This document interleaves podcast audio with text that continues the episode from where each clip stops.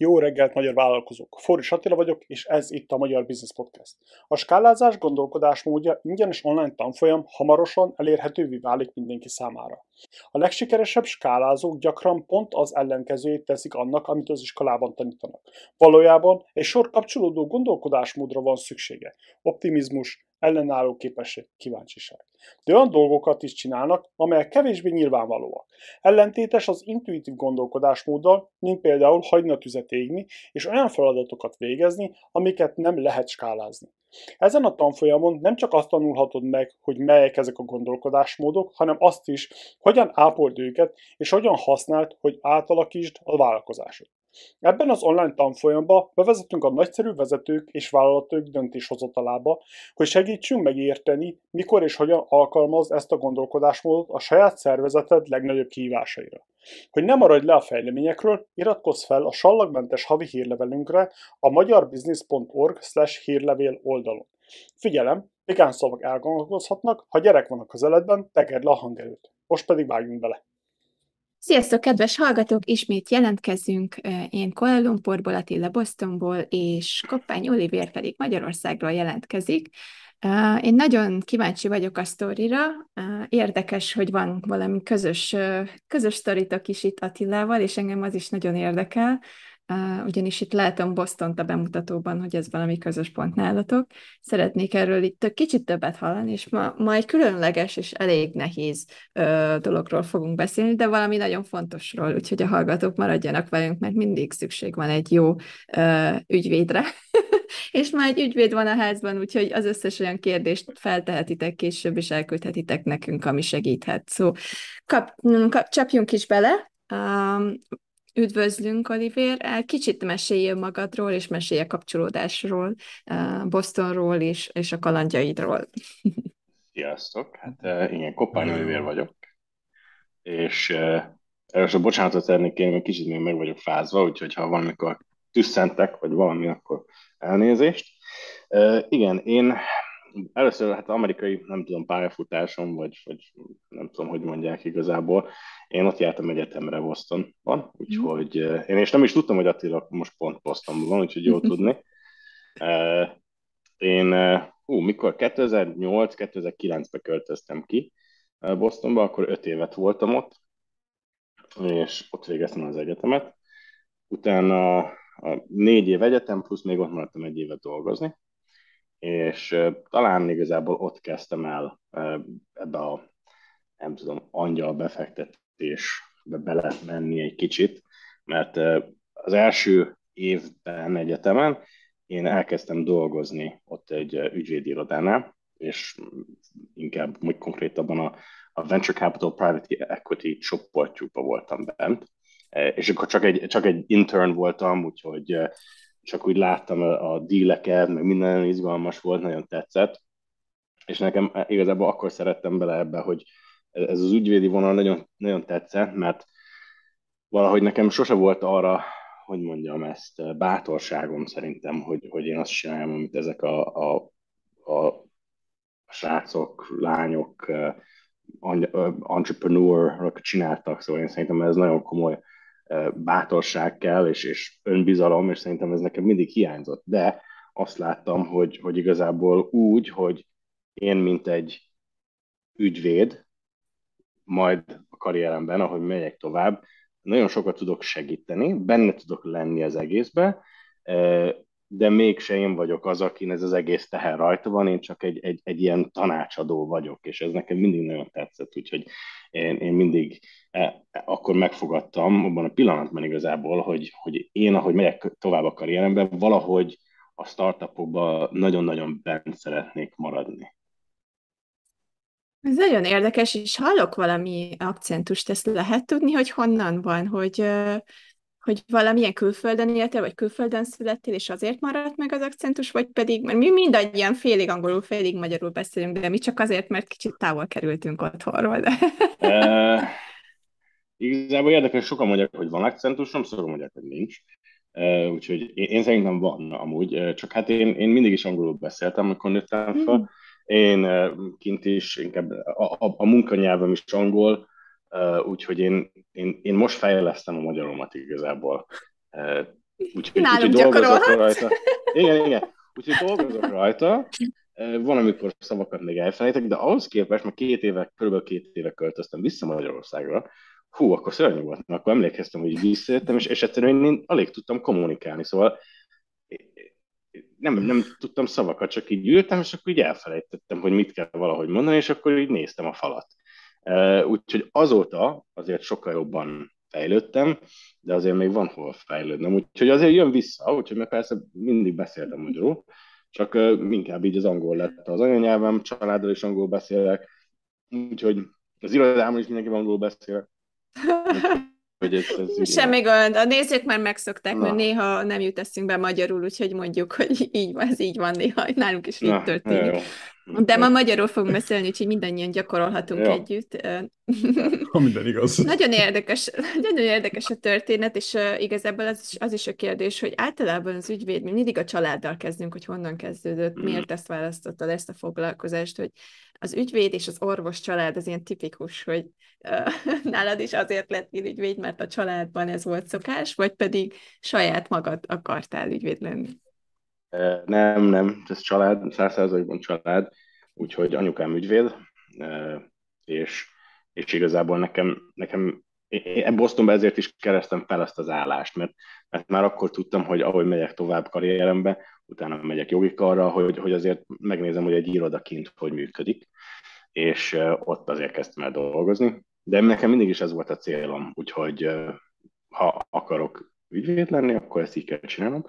De és, és hogy miért nem Magyarországon jártam, mert uh, hú, igazából ez is egy olyan dolog volt, hogy anyukám is azt mondta, hogy ha én ezt szeretném csinálni, és az ő pályán folytatni, akkor nagyon fontos, hogy nekem meglegyen egy, és ezt szeretném tisztázni előre, mert, mert nem azt szeretném mondani, hogy jobb az egyik mentalitás, vagy a másik, mármint Magyarország, amerikai mentalitás. Nagyon más az ország, másak az emberek, de anyukám is azt mondta, hogy ha én így szeretnék dolgozni abban, amit a mi irodánk csinál, akkor nekem ki kell mennem tanulnom, tanulni, ott kell befejeznem a jogikat, ott kell mennem az amerikai szakvizsgán, és utána jöhetek ide, és utána folytathatom itt. De először ez a, ez a tudás meg kell, hogy legyen. Úgyhogy ezért mentem kisuliba, és azért jöttem utána vissza, mert sulitán még dolgoztam kint, Washingtonba, és utána jöttem haza igazából, úgyhogy megpróbáltam, amit tudta, tudni, tudtam, azt megtanulni, összeszedni, úgyhogy így értünk vissza.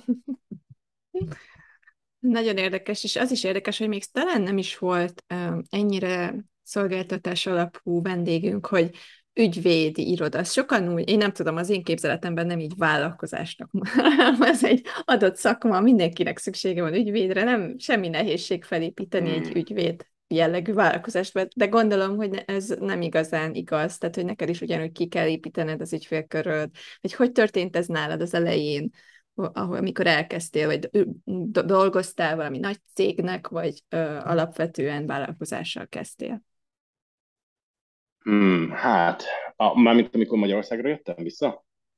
Hát vagy, a történeted ezzel kapcsolatban, ja, igazából ja. bármilyen történetet hát igazából én kint, igazából a jogi kar után, tudod, én, én kint Washingtonban dolgoztam, ott jelöltként, vagy a associate, szóval az itteni jelölt, és ott, ott, ott ilyen, hogy ügyfélkör, és ott nincs, ott van egy partner, akinek dolgozol, ott kapod a munkát, azt csinálod. És utána körülbelül két évvel később volt az a, az a pillanat, ez a Covid kezdeténél volt. És a mi irodánk az körülbelül, mint a magyar irodánk, az körülbelül 50 vagy gyógyszerjoggal foglalkozik, és azért Covid kezdeténél nagyon megnőtt a munka, nagyon sok volt, és, és igazából akkor volt az, amikor anyukámmal beszéltem, hogy jó, akkor vissza tudok jönni. És utána visszajöttem, és, és ahogy mondtad, igazából ez egy szolgáltatás, de ugyanúgy egy biznisz, amit növelni kell, amit fejlődni kell, és, és ez, hm, hát hogy mondjam, ez, ez nálunk inkább ilyen szakterületekben van. Úgyhogy például az utolsó pár évben hozzáadtunk olyan szakterületeket, amik még az iroda nem foglalkozott, mivel voltak ügyfelek ezekbe a körökbe, és, és így nő az iroda. Úgyhogy ugyanúgy, mint egy startup, ez is igazából egy, egy ilyen nem startup, már, mert 2006 óta vagyunk, de azért nő. Úgyhogy, és, és ugyanúgy, mint egy akármilyen biznisz, ezt is kell növelni. És társügyvédeitek vannak, tehát már elértétek azt a lépcsőt, amikor már nem csak egyedül dolgoztok, vagy pedig van, vagy hogy néz ki az alkalmazotti létszám, hogy mekkorának képzeljük el? Hát elég nagy vagyunk, ahol magyar, hát amerikai viszonyban nagyon picik vagyunk, magyar viszonyban pedig elég nagy az. 23-an, 24-en vagyunk most. Hm. Úgyhogy... Ez elég szép. És ők, ők közöttük felosztod a területeket, tehát hogy ki melyik területre specializálódik, vagy ügyfél alapján soroljátok be őket, hogy működik az elosztás? Nálunk az elosztás egy kicsit abban a szempontból más, legtöbb irodánál úgy vannak, hogy partnereknek vannak ügyfelei, az ügyfelek a partnerhez vannak kicsit kötődve, és akkor a partnernek van egy pár jelöltje, és de, de igazából egy irodából dolgoznak. Nálunk az ügyfél az, az iroda ügyfele, és mindenki együtt dolgozik minden ügyfélnél. Úgyhogy mi, mi mindig is azt gondoltuk, hogy, hogy egy partner, akinek van egy szakterülete, az nem tud mindent kiszolgálni, és így pedig, ha mindenki tud egy ügyfélnek dolgozni, és nem az, hogy jaj, ez csak az én ügyfelem, akkor sokkal több mindent tudunk egy, egy ügyfélnek megcsinálni. Igazából így mindent el tudunk látni egy adott ügyfélnek. Hogyha hallgatók most azon gondolkodnak, hogy mi kezed a dolgok. Néhány dolgot így fel tudnál sorolni a vállalkozásokkal kapcsolatban, vagy azokkal az ügyfelekkel kapcsolatban. Tehát mik azok a, a taskok, vagy azok az ügyek, vagy dolgok, amit mondjuk egy ügyvéd egy vállalkozónak meg tud csinálni, vagy egy nagy cégnek meg tud csinálni. Az alapvető dolgok, amihez érdemes így hozzányúlni. Hát, ez nagyon változó. Úgyhogy ez tényleg nagyon változó. Van olyan cég, akiknek ellátunk mindent, ami azt jelenti, hogy cégmódosítások, új munkavállalók felvétele, például egy gyógyszercégnél az, hogy új gyógyszer van a piacon, az besorolni,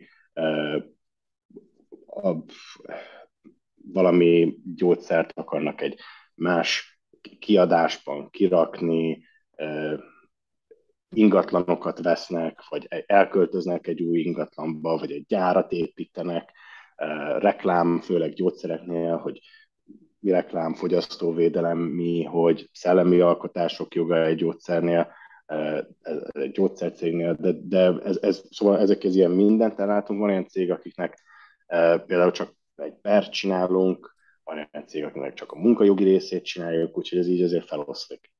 Uh-huh. És ezen ennek... kívül... Ah, bocsánat. neked, te mire specializálódsz? Vagy mit szeretsz csinálni? Mondjuk így, hogy, hogy mindenki beáll, főleg beszéltünk nemrég egy másik ügyvéddel, és ott mondta, hogy a Magyarországon is az ügyvédeknek a többsége elkerüli azt, a, mármint belekerül abba a csapdába, hogy mindent bevállal. De mégis van, biztos van egy szíved csicske, valami, ami, ami igazán izgalomba hoz. Mi ez? Ez egy nagyon jó kérdés. Hát én igazából én úgy jöttem, hogy szóval az fontos tudni, hogy én nem vagyok egy magyar ügyvéd, úgyhogy ha valami hülyeséget mondok, akkor az azért, mert nem vagyok magyar ügyvéd, és az én ügyfeleim nem is magyarok. Az én ügyfeleim legtöbb része van, van, akik Magyarországon vannak, de általában külföldi cégek, általában majdnem 95%-ban Amerikában vannak, és én azokkal a, a cégek, szóval én a, a hogy mondják ezt a, a headquarters-zel dolgozok, hogy ők mit csinálnak Európában, vagy Magyarországon, vagy hogyha globálisan kell valaki, aki tud tanácsot adni mondjuk a CE régióból, akkor, akkor fordulnak hozzám. Ugye ezért egy kicsit így megoszlik az iroda, hogy ki mivel foglalkozik, de én ezen belül, amire specializálódok, azt mondom, hogy igazából cégfelvásárlások, szóval M&A az, amit én nagyon szeretek csinálni, és az, ami szerintem igazából nagyon izgalmas is, Úgyhogy én, én ezzel így jöttem ide, hogy ezzel tudok foglalkozni, meg ingatlannal, úgyhogy amikor külföldi cégek vesznek nagyobb ingatlanokat Magyarországon. Felvásárlás az izgi téma. Az, igen, igen.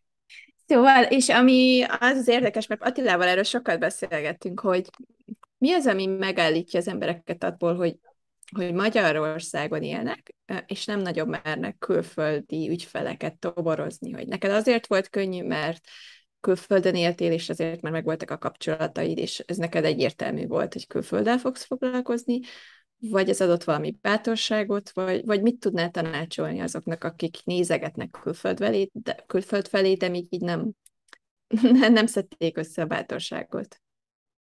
Nem tudom igazából, mert mert én is, én, én nekem, én nem szeretném előadni, hogy nekem hú, több 10-20 év tapasztalatom van ezzel, mert igazából nincs, és, és de, de én valahogy úgy gondoltam, hogy itt, én először is én úgy jöttem, hogy abból az irodából, amiből jöttem ide, eh, volt egy elég komoly projektjük Magyarországon, és kerestek olyat, eh, olyannal akartak dolgozni, akit ismertek, utána szólt anyukám, hogy igazából gyere vissza, és akkor ez így tök jó, tökéletesen összeilt, illet, hogy, hogy akkor én jövök, tudom csinálni a projektet, áthozom az én irodámba, és az a cég meg igazából ugyanazzal a emberrel, velem tud tovább dolgozni. Úgyhogy ez egy, ez egy jó időzítés volt.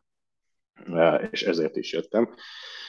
És igazából legtöbb, hát legtöbb ügyfelem igazából most is úgy jön, hogy valaki ajánlott, valakit, valaki kint megkérdezte, hogy jaj, kivel dolgoztok Magyarországon, ja, és akkor általában így, így szokott jönni. Tehát akkor De ez az, hogy, az, tulajdonképpen hogy, a te nis, a te kis csoportod, aki Magyarországra jövő külföldi cégek, akiknek kell intézni dolgokat, tulajdonképpen így tudjuk megfogalmazni akkor a te Igen. ügyfélkörödet. Igen. Igen. És én mindig is, szóval nem tudom, én, én, én ezt én szeretem ezt nagyon, mert igazából amikkel mi foglalkozunk, amivel én foglalkozok, azok inkább az ilyen, mert, mert, mert annyira túl bonyolult problémák, hogy senki nem akar vele foglalkozni, és mi meg nagyon szívesen csináljuk, mert ez, ez, ez egy olyan, mint egy ilyen kis kirakós játék az egész, és én ezt nagyon szeretem, amikor valakinek olyan problémája van, hogy már emberek lemondtak róla, és akkor fordulnak hozzánk, és akkor hú, ezt hogy tudjuk megoldani, én, én ezeket a helyzeteket imádom igazából, azok ez a kedvencem. Ez velem is rezonál nagyon, az ilyen jó dzsúszos problémákat. Adjátok ide, azt addig majszolom, rágom, amíg meg nem oldom. Igen, igen, igen.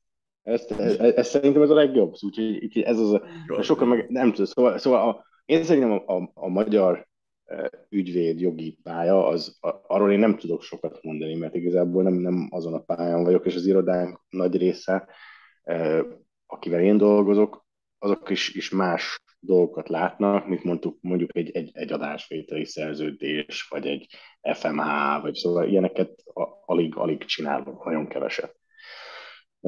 Úgyhogy ebből menőleg, vagy adódólag, ez, én ezt meg, amiket én csinálok, azokat meg tényleg imádom, és valaki kérdezte, tegnap kérdezte, hogy hát nem kicsit unalmas ez az ügyvédi dolog. Mondtam, hogy én szerintem egyáltalán nem, én imádom, úgyhogy, és, és tényleg én ezeket a más embereknek a problémáit megoldani, ez, ez a legjobb dolog a világon szerintem.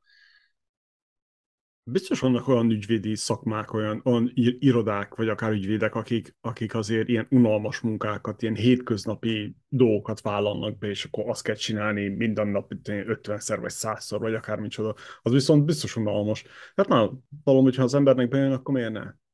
Hát én, én, én nem is az, nem, nem szeretném azt mondani, hogy bármi. Le, lehet, hogy van, akinek az nagyon izgalmas, van akinek más izgalmas, mm. szóval én szerintem mindenki, én, nekem volt olyan állásom két évig, amiben csak egy Excelbe kellett számokat kb. beírnom, na az unalmas volt, úgyhogy az, az, az két éven keresztül csak így, ha számok, jó, jó, és, és ez napi 8 órában, na az, az, az unalmas, de azért mindenkinek megvan szerintem az, ami neki izgalmas, neki jó, amihez ő ért, úgyhogy de én szerintem én nagyon hálás vagyok, hogy, hogy én ezt tudom itt csinálni Magyarországról, úgyhogy Hm.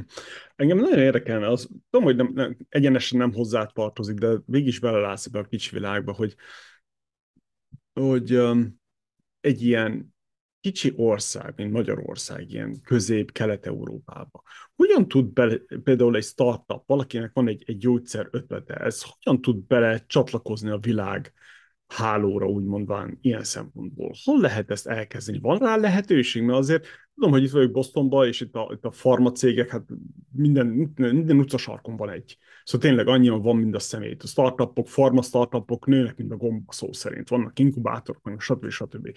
De mégis, ahol nincsen meg ez, ez a jó egészséges tápanyag, táptalaj, akkor ott, ott hol, hol tudnak ezek a startupok valahogy mégis érvényesülni, valamit elkezdeni? Egyenesen ki kell jönni Amcsiba, vagy nincs is lehetőség arra fele, vagy valami más? Ez egy nagyon jó kérdés. Ez egy nagyon jó kérdés.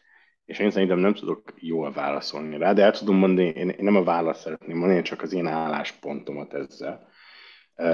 Most már két befektetésem van Magyarországon, és nekem mind a kettőben nagyon-nagyon fontos volt az, hogy, hogy először legyen meg a magyar piac, és utána gondolkozzunk úgy, hogy megyünk más országokba, vagy akár Amerikába, vagy máshova. Szóval legyen meg az a stabilitás, hogy működik Magyarországon, nem, nem muszáj óriás bevétel, csak, csak hogy tényleg ez az ilyen proof of concept legyen meg, hogy, hogy itt működik. És okay, miután... Jaj, bocsánat, folytassuk, csak folytassuk, folytassuk. szerintem kivágtam. És, és miután megvan itt uh, Magyarországon a piac, akkor szerintem lehet gondolkodni abba, hogy hogy megyünk más országokba, vagy hogy megyünk túl Magyarországon. De van, aki, tudom, hogy van olyan befektető, ismerek is olyat, aki zseniális, okos befektetők, akik meg azt mondják, hogy hát ezt, ezt igazából csak úgy érdemes csinálni, hogy egyenesen külföldi piacokra, mert a magyar piac nem elég nagy. Ami biztos ebben is van igazság, csak én meg mindig úgy szeretek befektetni, hogy, hogy csináljuk meg Magyarországon, legyünk itt jó helyzetbe, és utána menjünk tovább.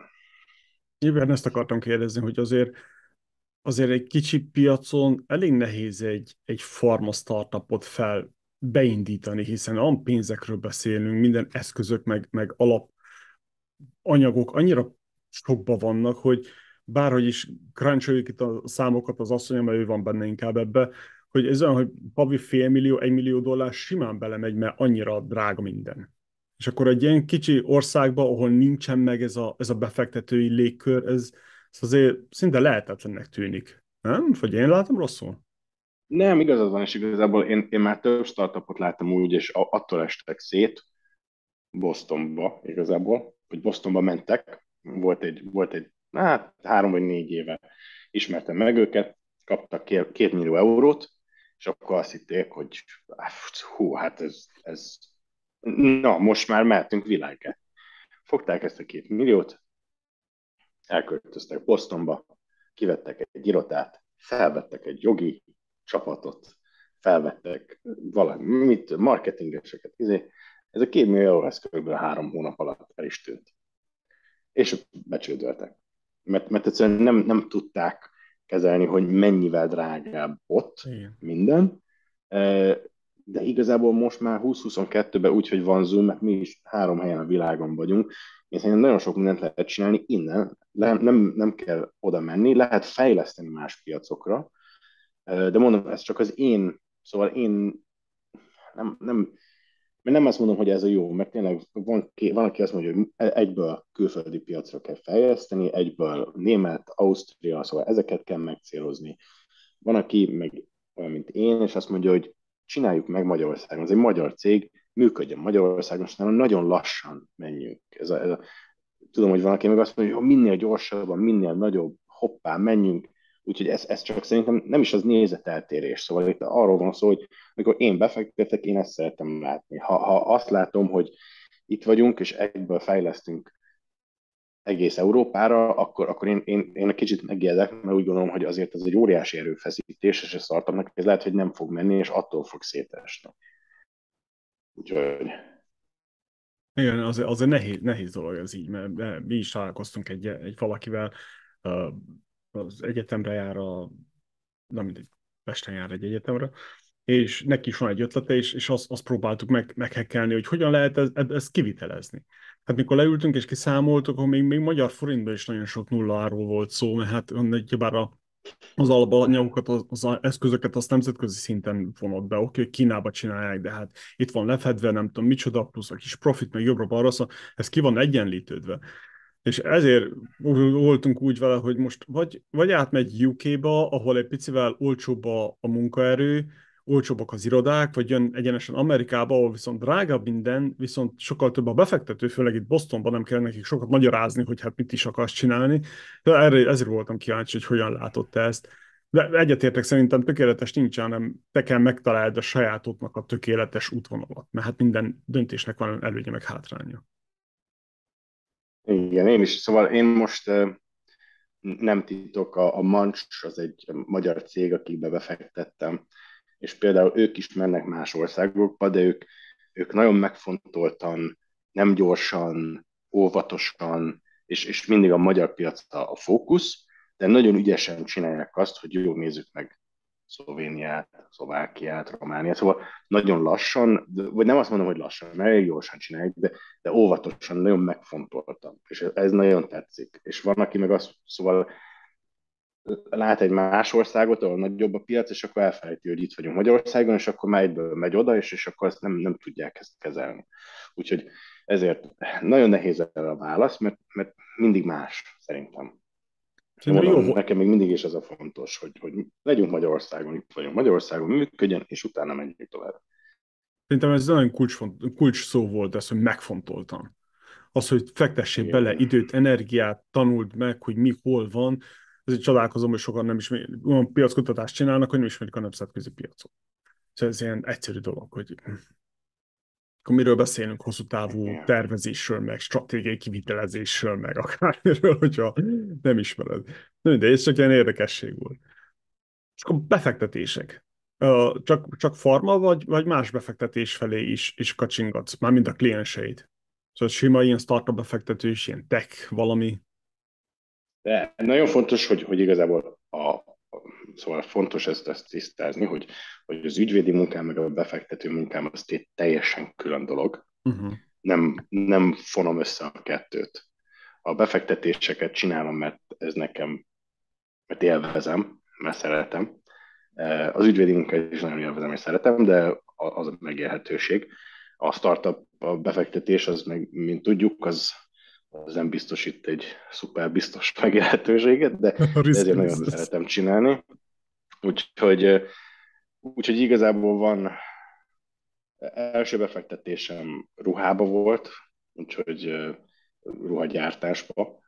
Utána volt egy biotech Kaliforniában, utána uh, hospitality uh,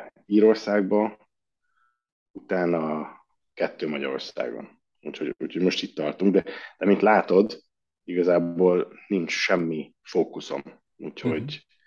itt, itt össze-vissza vagyok, és, és én általában én ezért, ezért nem vagyok jó erre a beszélgetésre, mert nem tudom azt mondani, hogy ú, én ezt nézem, én ilyen megfontolt vagyok, én, én ezt, szóval én, én, én sajnos ilyen szívből fektetek bele dolgokba, amit tudom, hogy ez egy szörnyű dolog, és nem így szabadna, és tudom, hogy, hogy ez, emiatt valószínűleg lesz nagy bukásom is, de én, én általában úgy vagyok vele, hogy én találok egy csapatot, aki nagyon szimpatikus, és látom bennük, a, a, vagy látom az ötletet, vagy nekem tetszik az ötlet. Mert volt már nagyon sok olyan amúgy, aki jött hozzám, mondták, hogy gyere, ez, ez egy nagyon jó ötlet lesz, lesz fektes bele. Mondtam, hogy eh, ez nekem nem tetszik, három év múlva egy 150 millió dolláros befektetést kaptak. Úgyhogy mondta, hát jó, akkor legalább valaki látta benne a fantáziát, az tök jó. Úgyhogy én, én tényleg én, én a csapatot szoktam megnézni, nekem a csapat nagyon fontos, és, és ha tetszik a csapat, akkor általában így, így valahogy meg tudom győzni a fejemet is, hogy igazából akkor az ötlet is nagyon jó. Mi az, ami kell tetszedjen egy csapatba? Egyszerű kíváncsi vagyok, hogy mi az, ami, ami, ami téged megfog például egy csapatba? Mindig más. Mindig más. Uh-huh. Legyen egyéniségük? Uh, igen. Ez nagyon fontos, legyen egyéniségük. Legyen, szóval ez a legyen sok önbizalmuk, az nagyon fontos, de ne túl sok önbizalom, szóval azért kell egy, egy kis kétség magunkba, hogy ezért jó úton vagyunk vagy nem. De mondom, minden csapatban más. Szóval van egy olyan csapat, amiben belefektettem, ami két két ember csinálja, és ott az egyik csapattag ő egy vizionáris, szóval ő mindent lát, ő mindent akar, ő, ő, ő, ő is körülbelül van, hogy jó, akkor repüljünk más bolygókra, szóval ő így gondolkozik, és akkor a másik csapattag pedig olyan, hogy, hogy ő lent tartja a Földön, és számolja a, a dollárokat, centeket, hogy mire költenek, hogy költenek, milyen költségek vannak, mit tudnak meg. Szóval e, ez, egy, ez nekem, ez, amikor találkoztam velük, ez egy olyan szimpatikus párosítás volt, hogy azt mondtam, hogy hát ez, ez tökéletes. Mert igazából itt van az, aki mindent akar csinálni az égvilágon, úgy gondolja, hogy nincs határ, és az a másik ember, aki meg így fogja, hogy na azért mégis maradunk itt a Földön. Úgyhogy... Jó hangzik. És igazából, igazából igen, szóval a mancsról is tudok beszélni, a mancs az, az négy srác csinálja itt Budapesten, és, és nekem csak minden, minden négyen, amikor találkoztam, nagyon szimpatikusok voltak, és tényleg az, hogy ezt úgy akarják, és úgy csinálják, olyan lelkesedéssel, és úgy voltam vele, hogy hát, ha veszítek, veszítek, de legalább azt tudom mondani, hogy ezen a felszálltam a vonatra velük. Igen, voltak nálunk vendégek, és, és nagyon szép, szép, szép volt a sztori. Igen. Úgyhogy igen, ezt mondom, csak nagyon szimpatikusak, állandóan dolgoznak, reggel kettő, három, négykor kapok e-maileket tőlük, meg ilyenek, úgyhogy ez, ez nekem, mondtam, hogy hát beszállok a vonatba, aztán ha csődbe megyünk, nem reméljük nem lesz így, de mondtam, legalább azt tudom mondani, hogy itt voltam veletek, úgyhogy... Igen. És még azok a dolgok, amiket azért, mert ügyvéd vagy, jobban tudsz, jobban átlátsz, hogyha mondjuk egy befektetést nézel, vagy ilyesmit. Tehát, hogyha Gondolom más szemmel is nézed őket, mert hogy ez ilyen szakmai ártalom, de vannak olyan utalások, vagy valami, ami, ami, amit azért látsz, mert ügyvéd vagy. Hogy valami jó befektetés, vagy valami rossz befektetés, vagy... Vagy rossz úton haladnak. Igen. Igen, igen, igen. Ez egy jó kérdés, és, és a válasz is ismét egy kicsit össze-vissza van szerintem a fejembe. Mivel én dolgoztam a legtöbb cégeknek dolgozok, azok elég óriásiak, de dolgoztam már amerikai egészségbiztosítóknak itt Magyarországon, dolgoztam gyógyszergyártóknak, dolgoztam mi, szóval igen, nagyon-nagyon sok fajta cégnek, és amiatt nagyon sok mindent láttam, láttam az ő hibájukat, láttam, hogy mit csinálnak nagyon jól. Láttam, hogy például ők hogy vásárolnak. Láttam, hogy ők mit keresnek, amikor ők felvásárolnak egy céget. És talán ez ami a legfontosabb, hogy, hogy amikor ők felvásárolnak kisebb cégeket, ezt látni, ez nekem nagyon jó volt, mert láttam, hogy például mi azok a számok, mi, mik azok a dolgok, amikre ők nagyon odafigyeltek, és azt mondták, hogy oké, okay, ez egy tök jó vásárlás lesz számunkra, mivel ez így és így és így néz ki. Ezen, ezen felül talán még, ami, és, és, és én, én nem vagyok ebbe szakértő, de mivel minden európai országgal van egy ügyvédiroda, akivel dolgozunk, ezért egy kicsit így a jogszabályokat mindenhol egy picit jobban megismertem, és megint mondom, nem azt mondom, hogy én ismerem az összes EU jogszabályt, de hogy ismerem, csak, csak van, amit úgy kicsiket így, így megismerek, és például volt egy, egy startup, aki ö, akart csinálni egy, egy ilyen digitális gyógyszertárat, és, és ők azt mondták, ez egy fantasztikus ötlet, tök jó, nagyon könnyű, és akkor így leültünk, és akkor mondtam, hogy tudjátok, hogy milyen szabályzatok vannak az összes EU országban, hogy ti csak online szállítassatok gyógyszert, szóval e- ezzel tisztában vagytok? És mondták, hogy ja nem, mert akkor megcsináljuk itt, és akkor az majd EU. Mondom, nem, itt minden országban fogja kelleni egy külön engedély. Szóval azért, és ez lehet, csak, csak az árakkal legyünk tisztában, hogy, hogy ez mennyibe fog kerülni, ezt engedélyeztetni, meg hogy. Meg, e, és, és szóval ezeket a dolgokat látom egyik oldalról, és emiatt én szerintem van, amiben nem azt mondom, hogy jobb tanácsot, csak tanácsot tudok adni, mert, mert láttam. E, vagy még mindig látom. Úgyhogy, hát igen, szerintem így valahogy. Igen, hát mikor, bocsánat, mikor ilyen komplex dologról van szó, főleg ami, ami nagyon, nehe, nagyon kőkeményen van államilag szabályozott, törvények, szabályok, stb., akkor, akkor ott, ott azért kell ügyvéd ezerre szóval nagyon sok pénz fog elmenni, meg idő, energia arra, hogy most ezt kikerülni és engedélyezhetni, meg stb. Hát itt is van ez a nagyon híres pár évvel ezelőtt az Amazon felvásárolt ezt a Pills, azt hiszem úgy hívták a céget, azok is ilyen online megrendeled, és kiviszik, és házhoz viszik, és nem tudom micsoda, és, és nagy, nagyon nagy sikere volt, de hát azok is annyit millódtak, mert minden államban másképp van szabályozva, stb. stb. Külön, különböző gyógyszerkategóriák. Igen, az azért kemény, kemény dió. Igen. Úgyhogy meg az adatvédelem az is egy olyan dolog, amire emberek nem gondolkoznak annyit, és, és azért arra kéne egy kicsit gondolkozni. Vannak bankok, akivel dolgozok. Igen, szóval vannak bankok, akikkel dolgozok, és, és szóval emiatt így nem, és mondom, nem, nem azt, nem, hangsúlyozni szeretném, hogy nem azt mondom, hogy így mindent átlátok emiatt, csak, csak van, amivel van tapasztalatom, amivel egy startupnak lehet, hogy még nem volt. És amúgy lehet, hogy egy, egy befektetőnek mégsem nem volt, mert ő befektetett cégekbe, látott egy piacirést, de mivel én többet láttam, és lehet, hogy nem olyan fókusszal, mint ő, ezért több dolgot tudok, hát több dolgot látok át. De ezért, ez is hozzáfűzöm, hogy nagyon fontos, hogy én például semmiben nem fektetek be egyedül. Úgyhogy nincs olyan befektetésem, amit csak egyedül csináltam, és nem is lesz.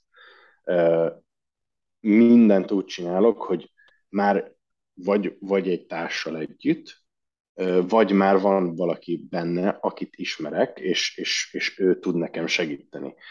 Mert, nem, szóval én például a pénzügyi részét nem fogom eljátszani, hogy én ezt teljesen értem, és ezért mindig olyan befektetővel vagyok benne, például, aki azt mondja, hogy igen, a pénzügyi részt teljesen értjük, amúgy lehet, hogy jogi, jogi részét nem.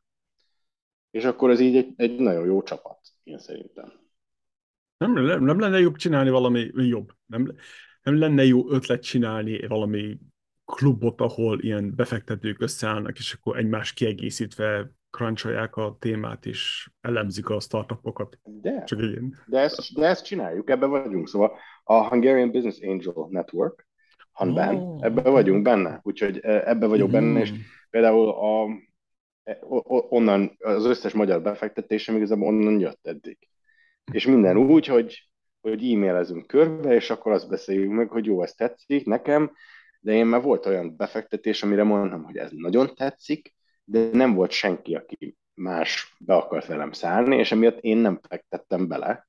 És ezt mondtam a csapatnak, hogy figyeljetek, sajnos, ez általában mindig előre szoktam mondani a csapatnak, hogy én, ének ez, ez nagyon érdekel, de hogyha nem száll be mellém valaki, akkor, akkor nem fogok ebbe bele, belemenni. Nézed a weboldalakat? Igen. Benne? Jó, jó. jó. Nem tudom, nem, lehet, hogy jó a weboldal? Á, nem annyira szerintem. Kell fejleszteni kell. Igen, nagyon felületes az egész. Bocsánat, Antal, hogyha ezt hallod, meg Eszter, de ez ilyen gyors segély, gyors végignézés. Nem mintha, nem mintha a miénk annyira jók lennének, szóval majd legközelebb bekívunk valami webfejlesztőt, és akkor majd na, azt is kivesézzük. Talán megkérjük, hogy amúgy... ki az oldalainkat. de, amúgy, de amúgy ez egy nagyon-nagyon jó csoport, szóval tényleg a, az emberek, akik benne vannak, ők e- egyrészt nagyon befogadóak, mert nekem ez volt az első problémám Magyarországon, hogy nekem nem volt itt nevem, ismerettségem, és, és amikor először kerestem valamilyen módot, ahogy, ahogy be, tudok, be tudjak fektetni dolgokba, egyszerűen nem ment. Mert valahogy így nem volt bizalom, szóval senki nem ismert engem, senki nem tudta, hogy én mit akarok, hogy működik ez. Én szerintem ez az angyal befektetés is Magyarországon azért még, még, még nagyon egy fiatal dolog. Szóval mondhatok erre egy példát. E, például volt egy, egy nagyon érdekes, azt hiszem, úriember, e, mert benne, benne volt egy Forbes cikk róla, és e, maga ez a, ez a szó, hogy angyal befektető, Instagramra kiraktak valamit, és volt egy kedves úriember, aki alá posztolt, hogy nem fogom pontosan mondani, hogy mit, csúnya szavakat használva, hogy én mit gondolok magamról, hogy én nem vagyok egy angyal, mert hogy az angyalok mert szóval és ő nem tudta, hogy az angyal befektető az, az csak egy valaki, aki befektet pénzt ilyen startup cégekbe. Azt hitte, hogy én tényleg azt mondom magamról, hogy én egy földre szállt angyal vagyok. Úgyhogy, úgyhogy még, még itt tartunk, hogy azért ez a, maga ez a szó se ismert annyira. De én utána kerestem körbe-körbe-körbe, hogy, hogy kit tudok megismerni, hol tudok networkolni, és utána találkoztam Károly Antalra, aki, aki a, akkor még a Hamben elnöke volt, még mindig tag, de most már nem az elnök, most már Csillag Péter, azt hiszem az elnök, és, és ő tárt kezekkel mondta, hogy jöjjek, gyere, nagy csoport, és, és tényleg iszonyú jó embereket ismertem meg, jó barátokat, nagyon okos embereket, sokkal okosabbak, mint én, és, és ezért szerintem ez egy, ez egy nagyon-nagyon jó kis csoport, ami, ami mindenki próbál segíteni mindenkinek. Az nagyon jó. És tényleg e, ezt beszéltünk sokszor, hogy, hogy főleg mikor nem, nem élsz egy startup hubba, és egy startup founder akarsz lenni, valamit akarsz kezdeni az életeddel, hogy mennyire nehéz ezt a, ezt a networköt, ezt a támogatást megszerezni, hogy, hogy tényleg nem az a lényeg, hogy most pénzt adjanak, hanem az, hogy egy jó szó, hogy hozzáadjanak valamit, vagy ha, ami szerintem a legfontosabb az, hogy okos, értelmes kérdéseket feltenni. Mert az, az, ami rávilágít minket arra, hogy most jó úton haladunk, mi hiányzik, mi nem hiányzik, mint például ez a, a gyógyszeres, ügyvédes, törvényes téma is, hát annyira komplex, annyira izé, hogy egy átlagember ezt nem látja Igen, és például a, az egyik, egyik így mondhatom, hogy már barátom, de az első befektetésem itt, az a, a őt is Hanbenbe ismertem meg, a Szekeres Viktor, aki a, a Gloucesternek, a Gloucester Info, infokommunikációs enyertének a vezérigazgatója, alapítója, aki én szerintem tényleg zseniális, és, és ő vele fektettem bele. És, és tényleg olyan kérdéseket tett fel, amire én még értem, még gondoltam. És akkor én mondtam, hogy ho, oké, okay, akkor legalább jó helyen vagyok, meg jó helyen ülök, meg hogyha ő azt gondolja, hogy ez egy jó ötlet, akkor hát itt vagyok, és akkor csináljuk. Igen, és ez, a leg, ez az egyik legfontosabb dolog, főleg az elején. De végig ugyebár mentorok is erről kéne szóljanak, hogy jó tanácsot adjanak, és főleg okos kérdéseket feltegyenek, hogy mennyire fontos ez, ez, ez annyira el van hanyagolva, legalábbis úgy látom, hogy tapasztalom a dolgokat. Hát, én, én mindig azt mondom, szóval én szerintem egy mentor, egy, egy mentor nem tud mindent.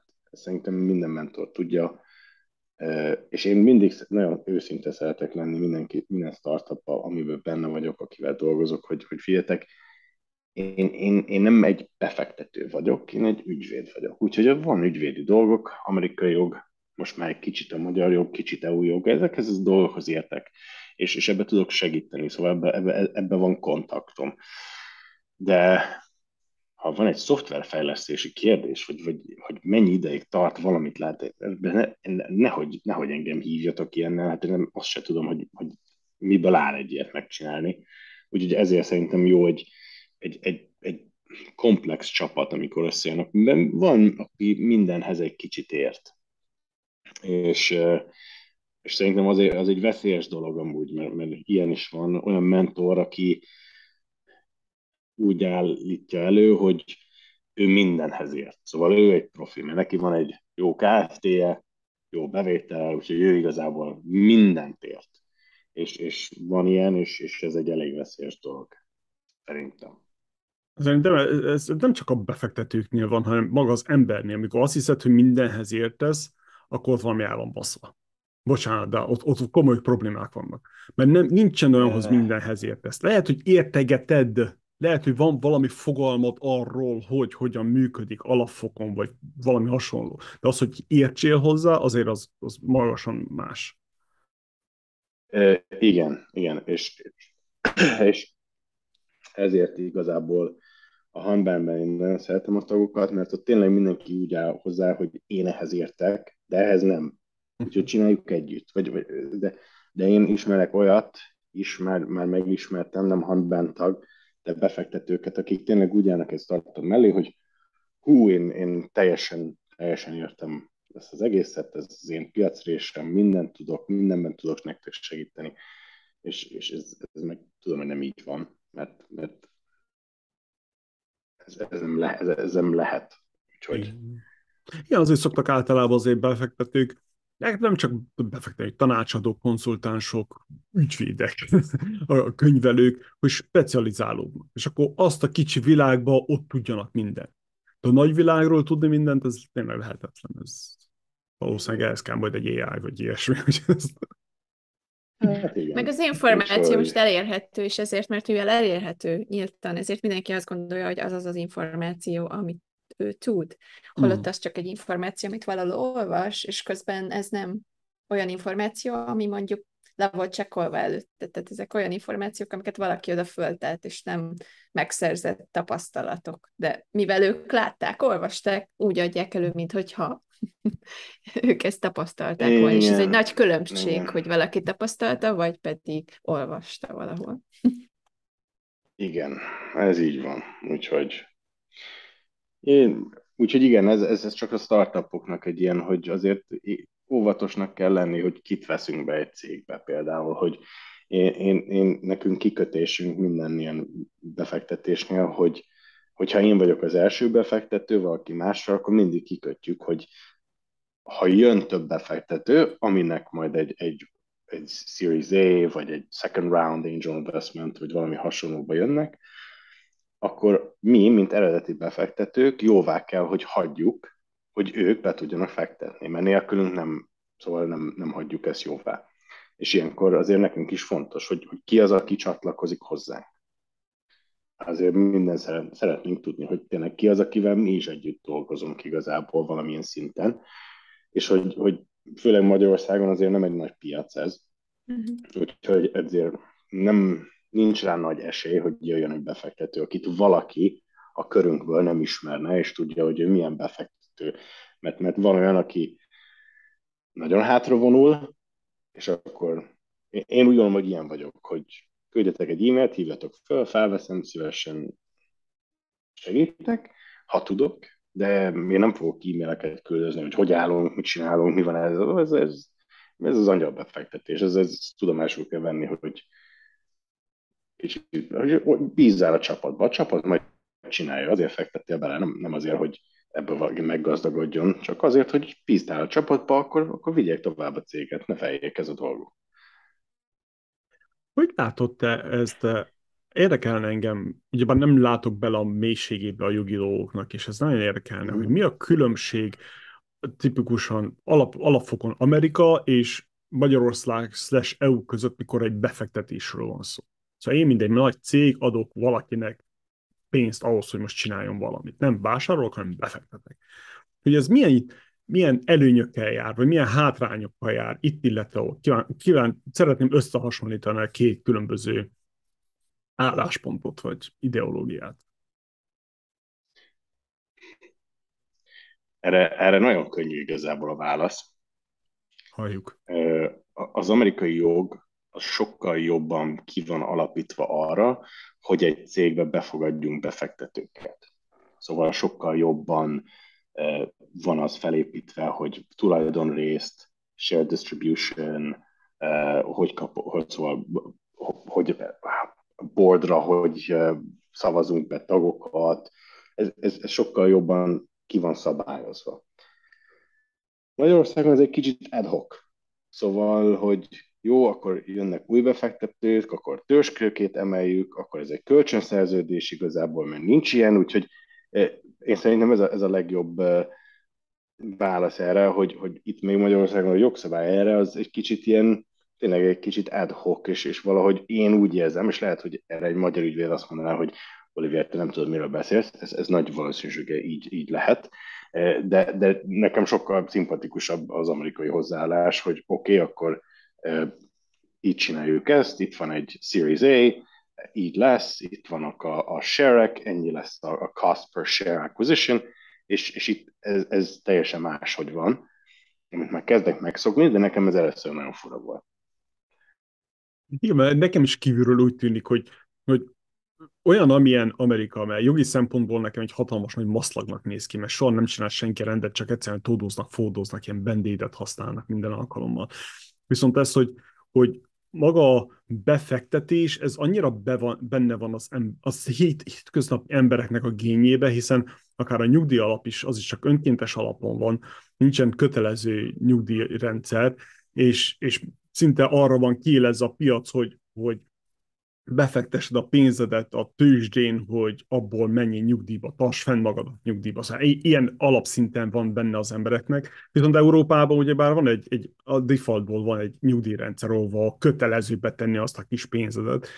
És annyira más a mhm. kettő, ezért kérdezem, hogy hogyan látod. Nem, nagyon más. Nagyon más, úgyhogy de, de, de mondom, nekem ez igazából a, a hogy az egyik országban erre, erre van konkrét kifejlesztett jogszabály.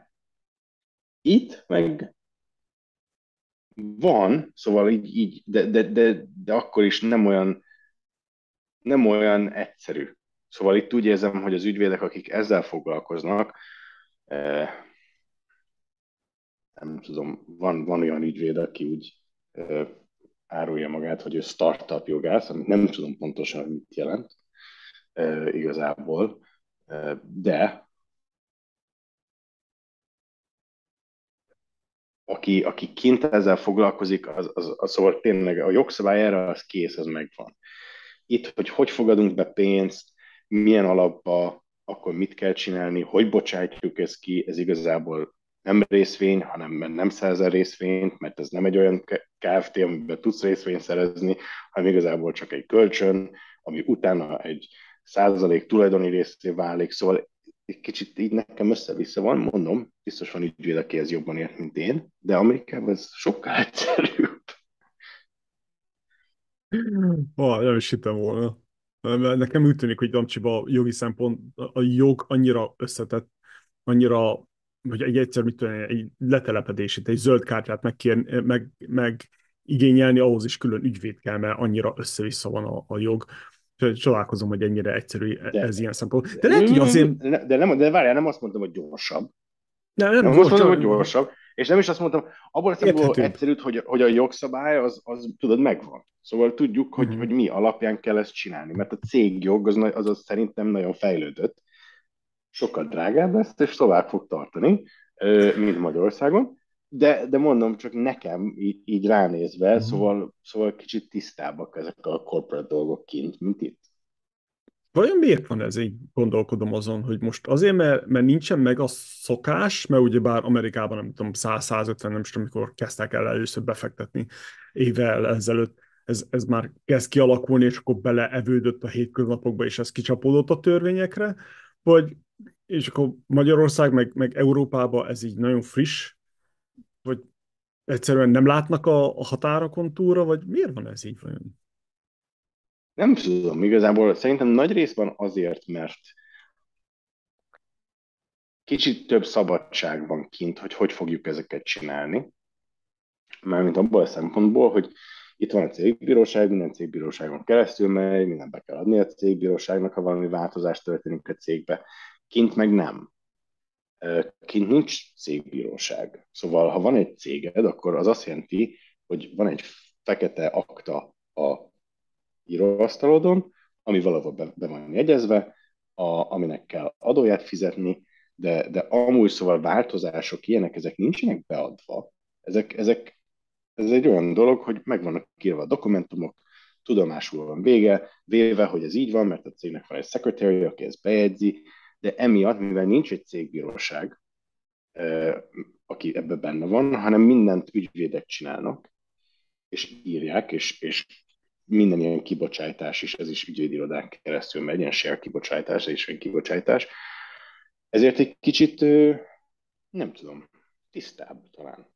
De, de komplikáltabb abban a szempontból, hogy tovább ideig tart, sokkal több munka, de, de nem a, a bírósághoz akkor fordulunk, amikor nem értünk együtt, e, e, egyet valamin. Nem akkor, amikor változtatunk valamit egy cégen, és akkor beadjuk egy bíróságnak, hogy hagyják jóvá.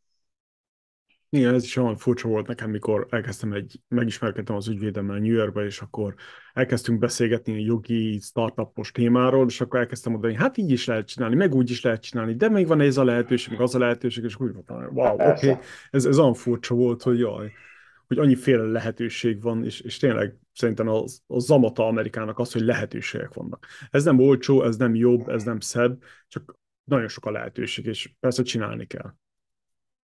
Igen, De... úgyhogy, úgyhogy ezért, ezért, jaj, bocsánat, mondja, mondja, bocsánat. Semmi, vagy csak azt gondolom, hogy azt gondoljátok, hogy Magyarországon nincs lehetőség. Tehát, hogy ez most így be, kicsit így bekeretezi Magyarországot, ami szerintem pont amiatt, hogy mivel minden online van, és hasonló, most rengeteg céget is mozog ki be, Európában van, tehát még az is segít, tehát, hogy mi, mi az, a, mi az a, a gondolkodásmód, ami megállítja az embereket, és azt mondja, hogy nincs lehetőség és Amerikában van. Holott ez nem igaz, mivel ülhetsz Magyarországon is, és csinálhatsz bizniszt amerikai cégekkel, vagy ülhetsz akár egy, nem tudom, a Panama szigeteken, vagy a Panamában, vagy, vagy a hmm. Fülöp-szigeteken, és ugyanolyan üzleteket csinálhatsz. Tehát, hogy mi az, ami Magyarországon e- erre készteti az embereket, hogy így gondolkodjunk, hogy jó, Amerika sokkal jobb.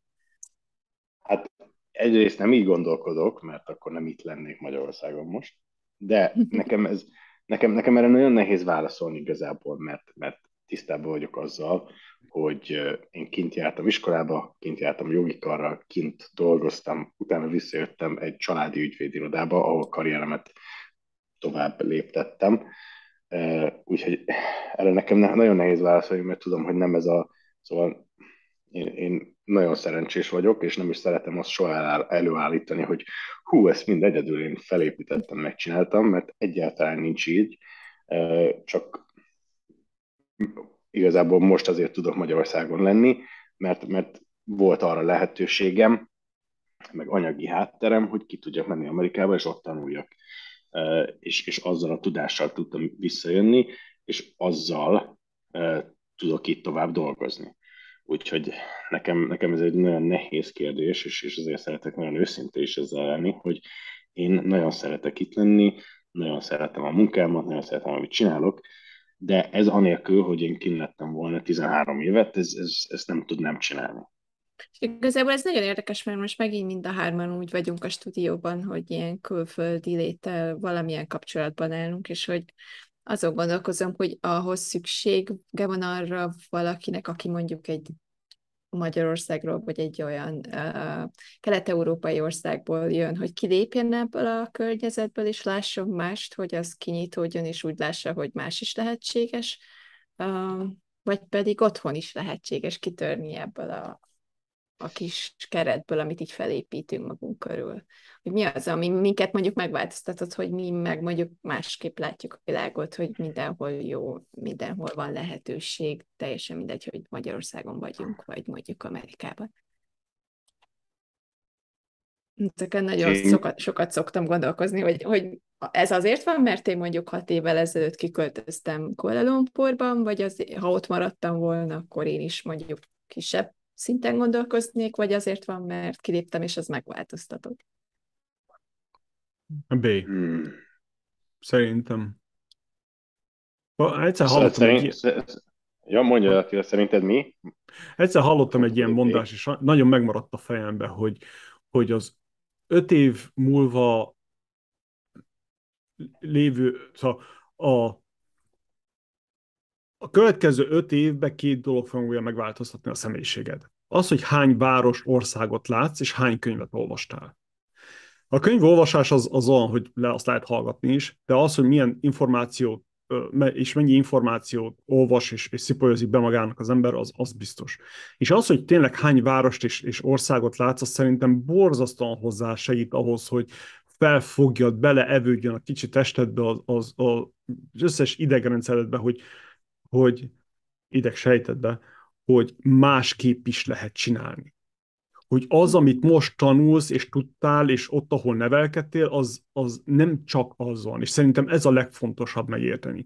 És itt nem arról van szó, hogy most melyik ország, vagy melyik kontinens a jobb. Az a kérdés, hogy melyik ország vagy kontinensnek az előnyeit tudod magad felé vonzani, vagy a saját malmodra hajtani. Valami ilyesmit látom.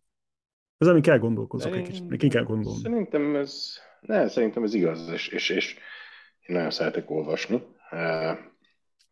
de a másik része is én szeretek utazni, és megint hálás vagyok a sorsnak, hogy, hogy én tudok utazni, és, és láttam a világot, és, és úgy nőttem fel, hogy láttam a világot.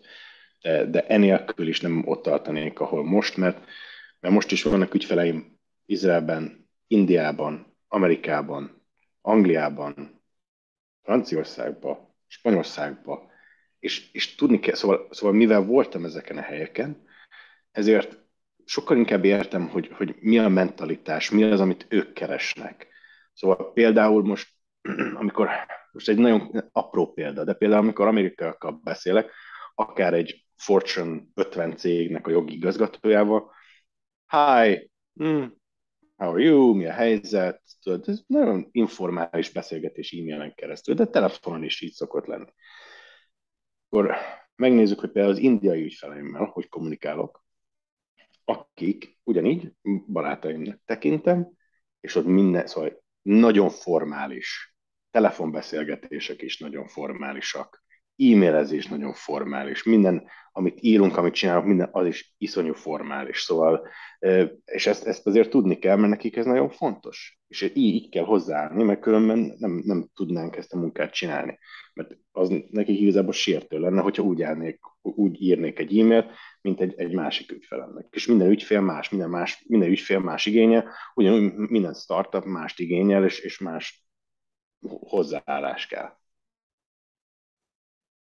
Ez érdekes amúgy, mert ez igaz itt is a Malajziában is, hogy elég formálisan kell megfogalmazni a leveleket, és nagyon át kell nézni, és nem lehet csak úgy ráírni valaki, hogy hé, hello, mit csináltál, ezt küld vissza más formátumban, hanem tényleg ilyen minimálisan, át kell nézni mindent, és ilyen kis miniatűr hibákkal is foglalkozni kell ez egy jó, jó pont szerintem, hogy tényleg a kulturális különbségek azok sok mindenre megtanítanak, hogy hogy adaptál úgy egy bizonyos másik kultúrához, és meglásd a lehetőségeket azzal a más szemmel, ami időt eltöntöttél abban a más kultúrában. Ez egy elég érdekes dolog. Igen. Na, de tényleg az, hogy látni kell, és főleg tapasztalni. Szerintem az, az a leg, legjobb erre. Ezért nehéz most, mit tudom, én nem tudom hány országon keresztül menni, mindenhol lakni fél évet, vagy ilyesmi, ez idézőjelben már, már nagyon szinte lehetetlennek tűnik, már ilyen nagyon végletekben megy át, de tényleg az, hogy, hogy másképp csinálni. Nekem például mai napig is fáj minden egyes hónapban, hogy ki kell adni nem tudom hány száz dollárt egészségi biztosításra. Ez külön mész, és izé, ez, ez ilyen nonsens. Csak, az, csak hogy... pár százat? Hát igen, a cég fizette a többi részét, de igen. Na, Vagy az, hogy például az óvodáért kell fizetni. És, és annyit kell fizetni érte, hogy nem tudom, mint az albérletért szinte, vagy mennyi most, fele az albérletnek. Szóval ez ilyen nonsens dolgok, de mégis nem, nem, nem tudnám azt mondani, hogy rossz dolog. Más. Hát ezt most így, ezt is így kiveséztük, csak hogy ki, ö, kihasználjuk ezt az alkalmat, hogy mindannyian így máshonnan vagyunk, és más élethelyzetben, de hasonlóan egy kicsit kitekintettünk Magyarországról. Reméljük, hogy a, hogy a nézők ezt él, vagy a hallgatók ezt élvezték egy kicsit a nézők a YouTube-on talán. És térjünk át arra, hogy, hogy milyen kihívások vannak ügyvédként, mert erről nem nagyon beszéltük, és sokat szeretünk beszélni a kihívásokról, hogy milyen kihívásokkal nézel szembe ügyvédként ezen a pályán, mik azok a dolgok, amik, amiken sikerült így átesned, átmenned, és ami mondjuk segítene egy, egy kezdőügyvédi irodát, hogy, hogy hogy lehetne ezeken át, átmenni gyorsabban. Uh, nagyon jó kérdés. Nekem, nekem igazából hogy minden napjainkban két kihívásom van, úgy gondolom. Az egy részt az, az a kiszolgálni az ügyfeleket a, a lehető legjobban, nagyon alaposan, nagyon megfontoltan, tényleg arra törekszünk, hogy minden, ami innen kimegy, az, az tökéletes, egy e-mailt elolvasok 24-szer, mielőtt elküldöm, hogy ne legyen benne hiba ügyfeleknél. De a másik része, mivel azért egy elég nagy csapatunk van, de nem olyan nagy, hogy lenne egy külön HR osztályunk például. Én úgy gondolom, hogy nagyon fontos, hogy, hogy, hogy ez a csapat összetartás, meg a csapatépítés, és tényleg úgy növelni az irodát, hogy aki ide az, az itt akarjon lenni. Úgy gondolom, hogy elég, elég jó hely vagyunk, hogy itt dolgozom valaki. De ezt a csapat felépítést, ez szerintem nagyon fontos, hogy tényleg olyanokkal dolgozzunk együtt, és, és ezt tudom mondani, hogy tényleg mindenki, aki itt dolgozik, én, én mindenkivel együtt dolgozok, és, és, és fantasztikus kollégák, és de ez nagyon fontos, hogy úgy építsük fel a csapatot, hogy, hogy így szépen egymásra, hogy tényleg mindenki együtt tudjon dolgozni, mert, mert mondtam, az irodánk nem oszlik szét annyira ilyen csoportokba, hanem mindenki dolgozik mindenen, mindenki foglalkozik mindennel, és ez, ez a csapat része, ez nagyon fontos, úgyhogy én, én így választanám külön. És a csapat részénél, amit említettél, azt hogy küszöbölöd ki, vagy hogy, hogy próbálod, hogy szűröd meg az embereket, vagy hogy, hogy biztosítod azt, hogy azok az emberek, akik hozzád jönnek, azok beillenek a csapatba, vagy hogy az a dinamizmusok, amit te szeretnél tőlük? Hát, igazából változó. Nem, nem tudom azt mondani, hogy mindig van valami, amit keresek valakiben, de most például eh, volt egy új jelöltünk, remélem nem, nem mondom el a nevét, de nem haragszik, hogy ezt a sztorit elmondom. Ő jött interjúra, és volt nagyon sok, elég, volt nagyon sok jelölt, aki jött interjúzni, mindenkinek volt más adottságai, de ő volt az egyetlen, aki jött, és azt mondta, hogy figyelj, én tudom, hogy ti mivel foglalkoztok, és én itt szeretnék dolgozni. Nem jelentkeztem sehol máshova, és igazából a mostani állásom az teljesen jó, nem annyira akarok elmenni, úgyhogy csak ide szeretnék jönni. És mondom, hogy hát igazából én szerintem hiba lenne eh, valakinek, aki tudja, hogy mivel foglalkozunk, és ide akar jönni, nem adni egy esélyt. Úgyhogy itt van, fantasztikus, nagyon jól dolgozik, napi szinten dolgozok vele együtt, és, és tényleg úgy néz ki, hogy ez, ez jól bevált. Nem mindig így szokott lenni, de ez például most a legutolsó példa erre. Úgyhogy ez, ez így, ez működőképes. De persze mindig más. És van, akivel jön, és azt mondja, hogy hát igazából ezt is van kudarc is persze, mert van, aki eljön, itt van egy évig, rájön, hogy ő igazából nem tudom, mesterséges intelligencia, vagy valami olyan jog tényel akar foglalkozni, amit nálunk igazából nem tud csinálni. És akkor a, nincs harag, semmi, akkor, akkor általában azt szoktam mondani, hogy szerintem, ez, hogyha találsz egy olyan helyet, ahol tudod tovább csinálni, akkor, akkor nyugodtan csináld, de, de nem tudom azt mondani, hogy nálunk ezt, ezt a témát tudod tanulni. Uh-huh. És hiszel abban, hogy a főnököknek ilyen kócsokká kell válniuk? Vagy ez ilyen vállalkozóknak, akiknek már alkalmazottaik vannak? Vagy pedig uh, úgy gondolod, hogy ez valami, nem tudom, ez valami olyan dolog, ami távol áll tőled, vagy, vagy nem felelőssége egy vezető? Én csak magamból tudok kiindulni, hogy nekem volt, nem mondom hol, de volt egy főnököm, aki első nap kérdezett tőlem valamit, és mondta, hogy nézzem meg, keresem ki a választ. És akkor én még nagyon fiatal voltam, nagyon kezdő, és azt mondtam, ó, hát ezt, ezt megyek, ezt, ezt azonnal ki tudom találni, ez nagyon könnyű lesz. Megnéztem a választ, de nem voltam biztos, de gondoltam, jó, leülök, megbeszéljük. És akkor leírtam három lehetőséget, az, hogy mi volt ki, ez most mindegy, de bementem hozzá, és azt mondtam, hogy figyelj, szerintem ez, de még van két megoldás. Megfogta a papírt, össze a kezébe, nekem vágta, és elkezdett üvöltözni velem, hogy én azonnal takarodjak, és igazából hagyjam el az épületet, és hagyjam el az országot, mert ennyire semmire kellő ember nem létezik a világon, aki egy ilyen könnyű kérdés nem találja meg a választ. Úgyhogy mondtam, hogy jó, oké, köszönöm szépen. Akkor ugye az egész életemet így átgondoltam, hogy akkor most mit fogok csinálni.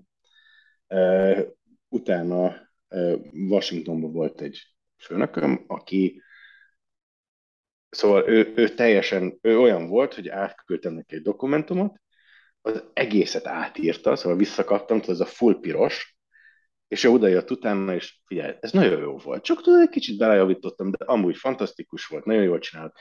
És, és ő alatta meg sokkal többet fejlődtem. Úgyhogy így, így csak magamból tudok kiindulni, hogy, hogy az, hogy, hogy ez az első hozzáállás, ezzel nem értünk el semmit, mert nem tanultam belőle. Ez a második hozzáállás, ebből meg tudtam tanulni, ebből tudtam fejlődni, és, és, és én is így próbálok mindenhez hozzáállni, hogy, hogy tanítani, segíteni, mentorálni, és a tudást átadni, hogy, hogy, hogyha valamit átírok, vagy valamit máshogy csinálok, azt szerintem fontos elmondani, hogy miért. Szóval mi ennek az oka, mert különben nem tanul belőle senki. És az lehet, hogy nem az a jó megoldás, de én elmondom, hogy miért így. Hogyha valaki azt mondja, hát szerintem így, akkor én nagyon szívesen azt megbeszélem, és hogyha ő úgy, és hogyha az nekem jobban tetszik, akkor visszacsináljuk. Szóval de szerintem nagyon fontos, hogy azért ez a nyitott beszélgetés, és hogy akivel együtt dolgozol, az legyen nyitott arra, hogy, hogy, hogy érezze azt, hogy, hogyha itt azt mondom, hogy én szerintem így kéne csinálni, akkor nem az lesz, hogy nem én vagyok a főnök, úgyhogy úgy csináljuk, ahogy én. Én szerintem az nem egy jó hozzáállás. Köszönjük, hogy ezt megosztottad, mert ez elég, igen, ez, ez elég fontos szerint. Főleg, hogyha valaki vállalkozó, akkor néha nagyon nehéz, hogy olyan emberből, aki mondjuk valahol dolgozott, átesz vállalkozóvá, és neked kell majd vezetned embereket, vagy, vagy tényleg alkalmazottaid lesznek, és az első alkalommal biztos, hogy mindenki csak próbálkozik, mert még nem, nem tudja, hogy hogy álljon át az új szerepre. Úgyhogy ez igen, ez egy érdekes történet. Következő dolog, amiről még nem beszéltünk, és említetted a cybersecurity és adatvédelem és hasonló dolgok, ami manapság nagyon fontos, és nem tudom, szerintem ez érdemes megemlíteni, hogy sok cég nem gondol rá, hogy szerinted mik azok a pontok, amikre így ügyvédként mondjuk már így ráláttál, hogy fontos megvédeni, vagy fontos elgondolkozni rajta, mert ez a jövő, és igazából nagyon sokat olvasok róla, hogy mennyire veszélyes, hogy a cégek nem gondolnak ez erre a részre, hogy az adataikat meg megvédjék. Mit gondolsz erről ügyvédként? Hmm. Mire érdemes figyelni? Ez egy jó kérdés, inkább az adatvédelmi részére tudok csak beszélni, mert inkább hogy a jogi része, hogy az adatvédelem, a GDPR az ilyen részekre, de erre annyira nem tudok válaszolni, mert, mert, mert igazából cybersecurity consulting, meg ilyenek olyan messze állnak tőlünk, hogy, hogy, hogy ezt, ezt erre, erre nem is tudom, hogy, hogy tényleg nem, nem akarok olyat mondani, ami hülyeség, mert annyira nem Az adatvédelem is egy nagyon jó dolog amúgy, mert ebbe is nagyon sok ember belefut, tehát hogy uh, szerintem ez a két olyan téma, ami ma nagyon-nagyon érdekes, és nagyon sokan nem fektetnek bele elég energiát. Az adatvédelem az egy nagyon érdekes dolog, mert Amerikában Attila szerintem erre tud nyilatkozni, hogy az adatvédelem az kb. ez, ez egy nem létező dolog. Úgyhogy uh, ott kimész az utcán, utcára valaki lefotóz, az az ő fényképe, szóval azt csinál vele, amit akar igazából. Így még nagyon-nagyon be van szabályozva, és szerintem nagyon sok cég, aki jön például Magyarországra, nincs ezzel tisztában, hogy oké, okay, van a GDPR, mi annak megfelelünk, úgyhogy biztos minden tökéletes, és nagyon sokszor már előfordult az utolsó évben is majdnem tízszer, amikor egy cég felvásárolt egy másik céget, hogy ja, nekünk van GDPR, mi ennek megfelelünk, és utána mi közöljük velük, hogy jó, de Magyarországon van a Hungarian Data Protection Authority, vagy a NEAC, és ők is azért ezeket eléggé komolyan átvizsgálják, és igazából, ja, nem, bocsánat, nem a NEAC. A nevük? Mi a nevük? A NEAC az a Health Insurance Fund. Most nem jut eszembe név. A... Valaki segítsen. Segítsetek. Nem vagyok Hungarian Data Protection, Hungarian Data Protection Authority, mi a magyar nevük? Uh, uh, jogvédelmi, magyar jogvédelmi, uh, adatjogvédelmi hatóság, mondjuk. Van ilyen? A NAIC, Egyik... NAIC, Marian NAIC, NAIC, igen? N-A-I-H. Uh-huh. N-A-I-H.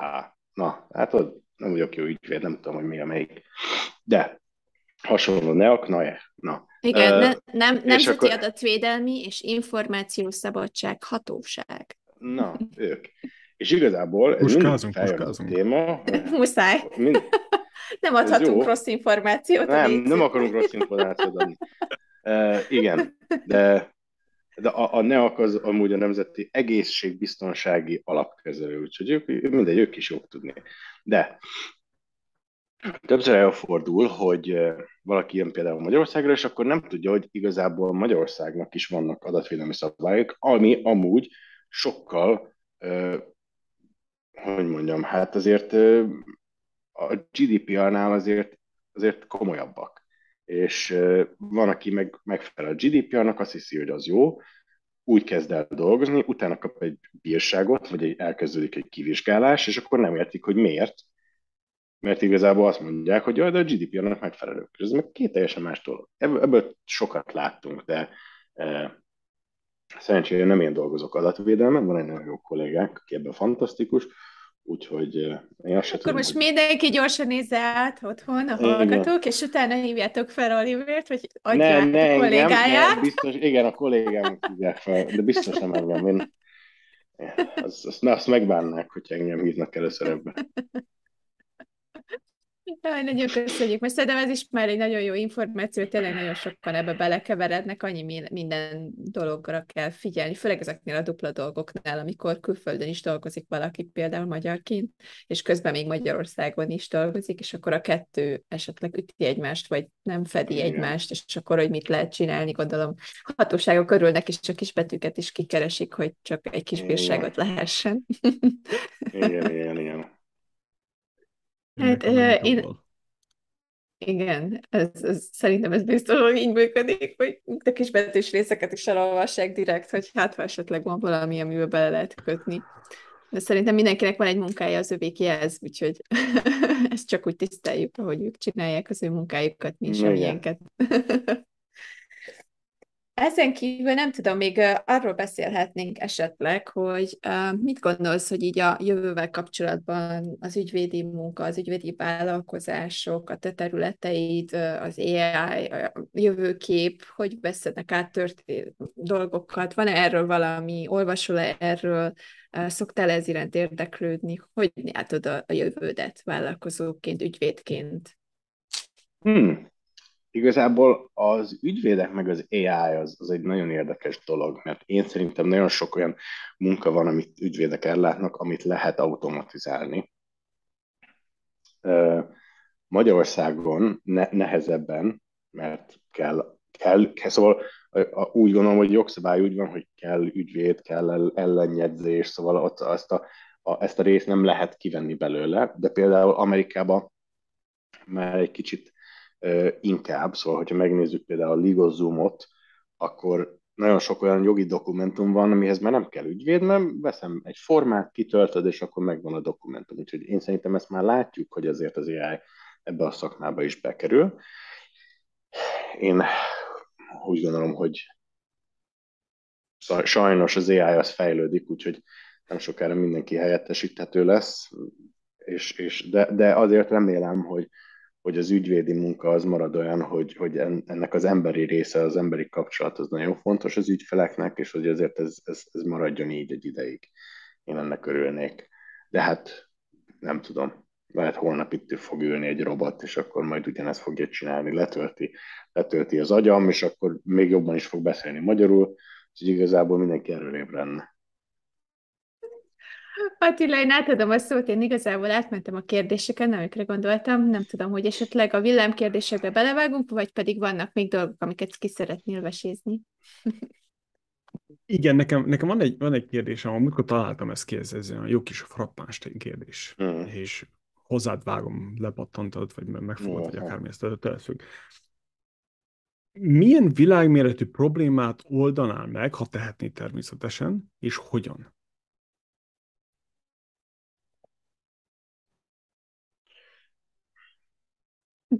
Kb. hogy oldanád meg a világbékét? Ez a legegyszerűbb kérdés, amit Attila általában feltudott.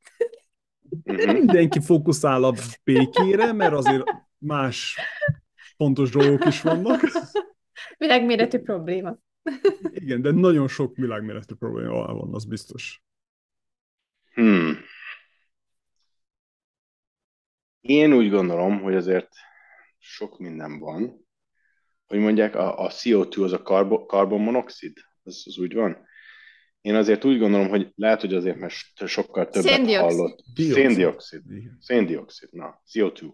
Carbon, carbon dioxide. Jó, úgyhogy ez a, ez a de, de én úgy gondolom, hogy az, én, de lehet, hogy azért, mert nagyon sokat olvastam az utolsó pár hétben erről, hogy, hogy mennyi mennyiségű széndiokszid van kibocsátva a, a, a levegőbe, és hogy ezzel milyen kárt okozunk, meg a globális felmelegedés, Én úgy gondolom, hogy ez egy, egy elég komoly probléma, ami előttünk áll. Az, hogy hogy oldjuk meg, ez egy nagyon-nagyon jó kérdés, és, és azért olvasok olyat, hogy, hogy szóval van olyan, amit úgy gondolom, hogy azért elég könnyű lenne elkezdeni, mikor olvasunk olyat, hogy a, a Kylie Jenner például egy, egy 8 perces magángép repülőutat vesz naponta a házam meg elég között, ami egy 8 perc alatt annyi széndiokszidot bocsájt a levegőben, mint én egy év alatt.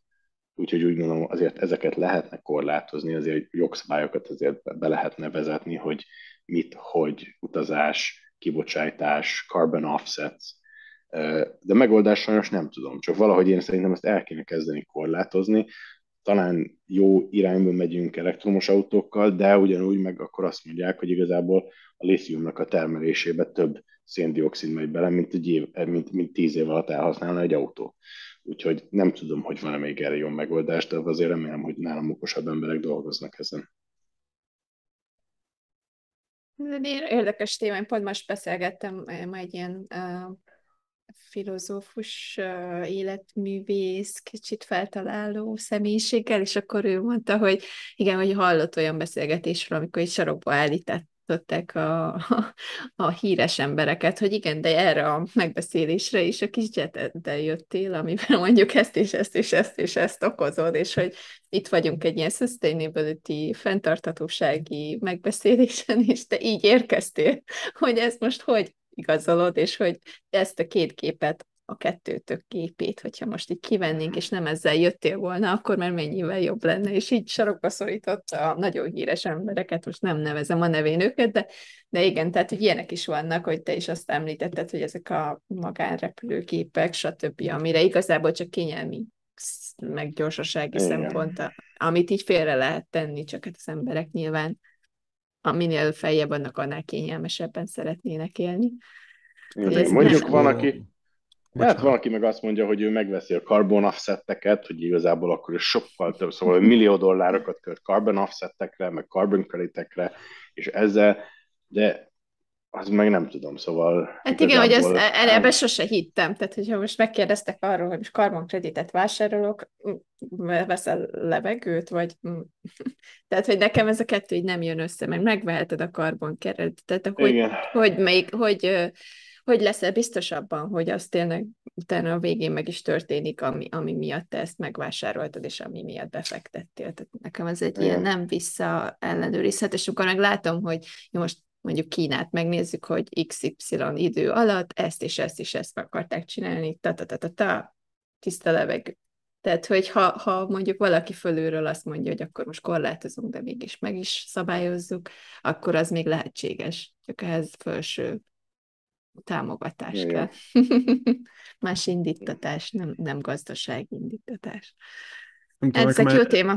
Ez az egész egy gondolatom van, hogy, hogy jó lenne kihúzni most már a saját fejünket a sajátságunkból, és, és odafigyelni arra, hogy... Attila megmondja, kisgyerekek, hogy, gyorsan vadoljatok el. Hmm. Hogy, hogy, hogy ne arra fog, ne vegyük le a fő fókuszt arról, ne feledkezzünk meg róla, csak vegyük le a fő fókuszt arról, hogy kevesebbet használjunk. Mikor valamiből kevesebbet használsz, akkor munkahelyek szűnnek meg. Pont. Hanem a takarításra. Én azt figyelem meg, hogy ne, senki nem beszél arról, hogy tegyünk ilyen hatalmas légturbinákat, ami kiszívja a, a széndiokszidot, és Isten tudja milyen más káros szennyeződés a levegőből. Hogy most már ideje lenne takarítani. Ültethetünk mi fákat ezerrel, de azok is 10-20-30 évig eljutnak egy olyan szintre, hogy bizonyos mennyiségű széndiokszidot és káros anyagot tud kiszűrni a levegőből. Takarítsunk. Ez egy jó ötlet. Ennyi. Tehát takarítani kell, mert a technológia megvan mindenre, hiszen éppen múltkor voltam a Costco-ba, és volt ilyen, ilyen kicsi, ami de fiol, egy olyan kis akármicsoda, és, és a szennyezett vízet ki, ki vonja belőle a szennyeződés, és tudsz inni belőle. Egy kicsi fiola az egész. Szóval ilyen csak, a, csak Amerikában meg az a kérdés, hogy melyik lobbynak van több pénze. Igen, igen, igen. Ez a, ez a gond, hogy, hogy még mindig azon, mert mindenki azt akarja, hogy levágjuk a, a, a, használatot, hogy ne használjunk, hogy extra adót adjunk rá. Ez olyan, hogy tegnap beszéltük, hogy a, a palackos üveg. 5 centet fizetek minden egyes üvegért, és mégis én vagyok a hibás, mert azok, akik kéne újra hasznosítsák, kidobják, vagy nem csinálják a munkájukat? Ha nekem ez a víz jobban bejön, mint a csapvíz, akkor miért én vagyok a rossz fiú? Mikor elmegyek, megveszem, hazahozom, extra adót fizetek rá, recsiklásba teszem a szemetet, akkor takarítsunk. Ne engedjük mm. azt, hogy, hogy azok a rossz dolgok kimenjenek az óceánba, a levegőbe, ha kimennek, akkor viszont ott, amit tudom én, égessük a szenet, mellette pedig legyen olyan turbina, amelyik kivonja a, szén, a, a széndiokszidot, meg monoxidot a levegőbe. Most átmentünk abba a területre, hogy a minden cég, amit, amit gyárt, arra mondjuk felelősséget vállaljon. Tehát, hogy mondjuk én most azon szoktam gondolkozni, hogy oké, okay, a technológiai cégek, mint a, akármilyen technológiáról beszélünk, vagy a social media, vagy, vagy bármiről, ami, ami, amiben nagyon sok pénz van, hogy ők se fektetnek energiát arra, hogy mondjuk oktassák az embereket, mondjuk a cybersecurity-ről, vagy a, vagy a különböző adatvédelemről, vagy egyéb dolgokról, amit tudniuk kell ahhoz, hogy ezt tényleg egyenlően mindenki úgy tudja használni, ahogy kell. És ez igazából ott jön be, hogy igen, még mindig profitorientáltak vagyunk, még mindig ott tartunk, és sajnos a takarítás azért nem jön be nekik, mert az nem jó, mert pénzt kell költeni arra, hogy kiküldjenek embereket, hogy, hogy felépítsék azt a túl, vagy visszafektessék a pénzt. Tehát, hogy ide még nem jutott el a, az emberiségnek az a felső rétege, hogy ez mindenki ügye, mert igazából pénzt csak most kapnak, majd x év múlva, amikor már nem lesz levegő, akkor már teljesen mindegy, hogy most van profit, vagy nincs. Mindenki rövid távon gondolkozik az egy élet életútban, hogy az alatt az egy életút alatt mindent akarnak. De ugyanakkor egy, egy, egy cég, ez nem, nem, nem, nem hiszem azt, hogy egy cégnek az lenne a felelőssége, hogy ő most ilyen szinten gondolkodjon. Egy cég egy problémát kell megoldjon, befektetőknek visszaadni azt a lóvét valamilyen szinten, és kész. Az, hogy, hogy az, az a cég, az csak azért a pár emberért felelős esetleg, aki a kliense, a vásárlókért. De nem mindenkiért. A mindenkiért azok a politikai rendszerek kéne felelősek legyenek. És tényleg nem politikusok, hanem politikai rendszerek. És itt van szerintem a gond, hogy, hogy a politikusok mutogatnak, hogy inkább a cégek néznek, mennyit égetnek. De a cég azért égetne, meg engedheti magának. Ha törvények vannak ellene, akkor nem fogja égetni, mert nem akar bajba kerülni. Szóval itt van ez a... Ügy, ügyvedünk is van. a törvények megállítják a politikusokat? Mm, nem, mert más törvényeket hoznak, nem? ja, ja, ja. Szóval itt van a 22-es csapdája.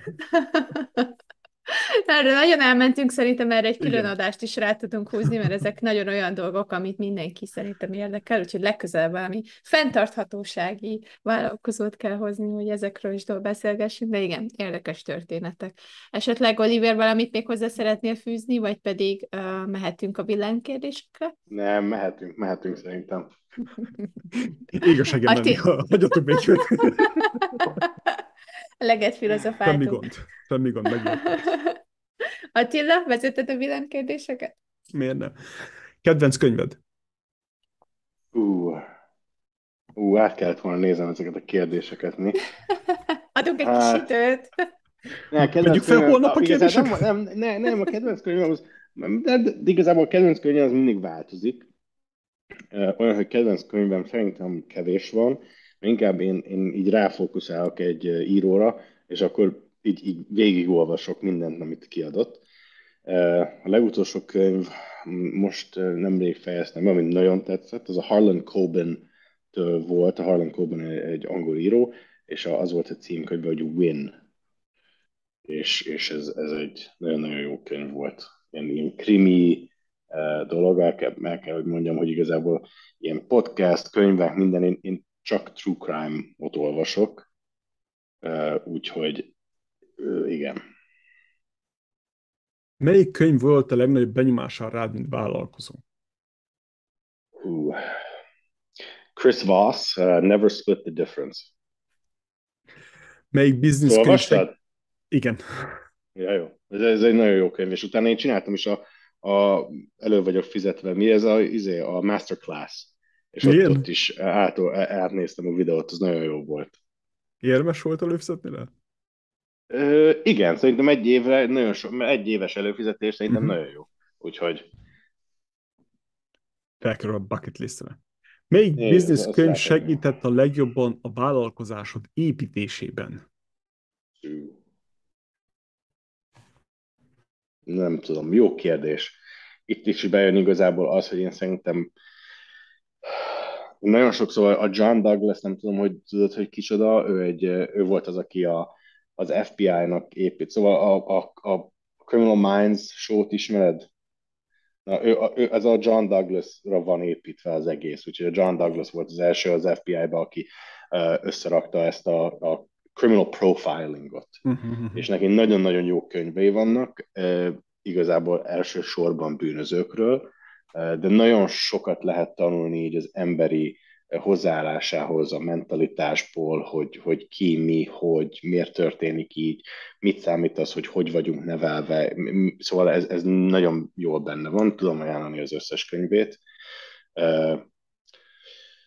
De azon kívül én sokáig hokiztam, és nagyon sok sportolós könyvet olvastam, például a Winning Mindset, az nagyon jó volt, ez nekem nagyon tetszett de, de ezek közül szerintem inkább ezeket olvastam. Azt, azt kell mondjam, hogy inkább ilyen business könyveket nem, nem annyira olvasok, inkább ilyen true crime dolgokat, inkább ilyen sportkönyveket, pszichológiai könyveket, úgyhogy inkább ezek. Kedvenc podcasted? Ú, ez is True Crime. Kedvenc podcast. Ez is változik állandóan, de, de mindig true crime a zsanra, most talán a crime junkie az, amire inkább rá vagyok így, így hetente. Az az, amit hetente mindig hallgatok, úgyhogy kedvenc business podcasted, akkor gondolom ilyen nincsen. Ilyen nincs igazából. Biztos, hogy van jó business podcast. Most várjál, mit hallgattam a... Hú, mi volt ez a podcast? Ez, ez szél, így két, két két stand-up comedian, aki csinálja ezt a podcastet, és, és, és egy két órás podcast volt arról, hogy mi a kriptó, hogy mi ez a bitcoin, és hogy hogy, hogy, hogy működik, mi ez, miért hiszünk egy ilyen nem létező pénzbe, és ez, ez is nagyon jó volt, és ezen, ezen is igazából így két órán keresztül röhögtem, úgyhogy nagyon jó volt. Mit hallgatsz, olvason, nézel most? Most egy, ugyanúgy, hát ma reggel egy Crime Junkie-t hallgattam, amit olvasok most, az a, a Victor Methos. Victor Methos egy hasonló, John Grisham, John Grisham, és őt ismered, gondolom, John Grisham könyveit láttad? Nem tudom. Nem? Nem. Na, ők, ők is, ők ügyvédek, vagy ügyvédek voltak, akik elkezdtek így ilyen ügyvédekről szóló könyveket írni. Úgyhogy eh, most például az össze, most a Viktor Methosnál tartok, és így végig sorba olvasom az összes könyvét. Általában csak az változik a kettő között, hogy John Grishamnak az összes könyve az eh, mind a South, szóval valahogy a South befolyásolja Georgia, Texas, Florida, uh-huh. Alabama, a Victor Methos pedig az összes könyve Utahban van, szóval mind Salt Lake City, mert ő onnan van, és ezért mindegyik ott van helyileg, úgyhogy ez, ez, de ez az igazából a különbség, meg teljesen máshogy írnak, de mindegyik általában egy fiatal ügyvéd, aki most kezdi, és valamiben belemászik véletlenül, és akkor abból, hogy jövünk ki. Úgyhogy. Mi az, ami szakmailag most inspirál legjobban? Engem mindig az inspirál, hogy az embereknek a problémáit megoldani. Úgyhogy most például van egy, most, most például van egy, egy kriptócég, akiknek dolgozok, nagyon jó srácok, nagyon okosak, sokkal okosabbak, mint én, és, és ez engem például most motivál, hogy olyan dolgokat tanulok, meg kell tudnom, hogy egyszerűen ez egy óriási kihívás, és ez inspirál, ez, ez nekem egy nagyon jó kihívás, úgyhogy a kihívás inspirál, mondhatjuk azt. Hogyan menedzseled a feszültséget? Nem jól. De nem, nem jól. Az első őszinte válasz, észrevetted Attila? igen, igen.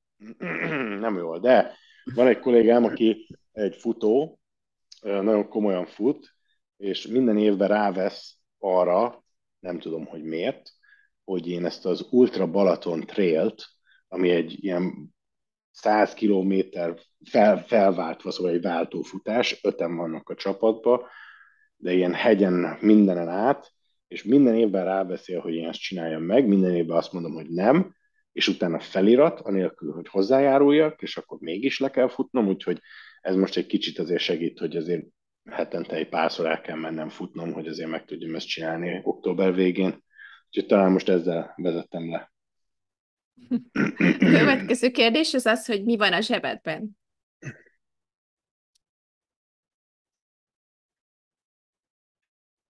hallgatóknak elárulom, most keresi a zsebét. általában mit hordasz magadnál? ja, általában egy kulcs, ennyi.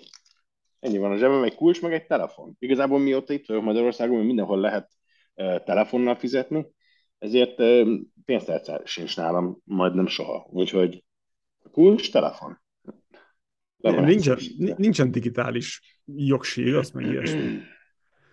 Ja, ez igaz, de ha autóval megyek, akkor, akkor az van nálam, de amúgy nem autóval közlekedek, hanem elektromos orlele, úgyhogy arra meg szerencsére nem kell. rendezett vagy rendesen iroda? Én nagyon rendezett. Körbenézek az asztalomnál. Semmi de... az irodám. Nem, szerintem nagyon rendezett. Most is ki körbenézek, és azért van papír torony, de azért szépen van rendezve. Mit jelent számodra a pénz?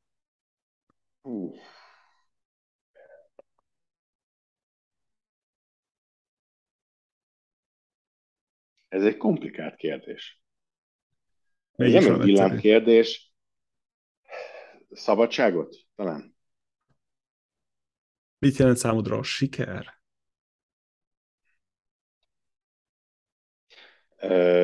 Hát, amit, ne, azt tudod, hogy mit jelent, azt nem tudom, de amit jelent, az biztos nem a pénz. Úgyhogy ez így visszamenőleg a siker, azt szerintem nem, nem mérhető pénzben, hanem te, egy teljesen más dolog, és én szerintem nem tudom, hogy ez hogy, hogy, hogy válaszolnám meg. Én, én igazából Én, én, én amikor fiatalabb voltam, én emlékszem, hogy mindig, amikor állást kerestem, akkor nekem mindig az volt a siker, hogy ha, ha, ha úgy gondoltam a másik oldalról, hogy hát, hogyha én valakinek írok, hogy segítsen nekem, akkor ő, ő sikeres.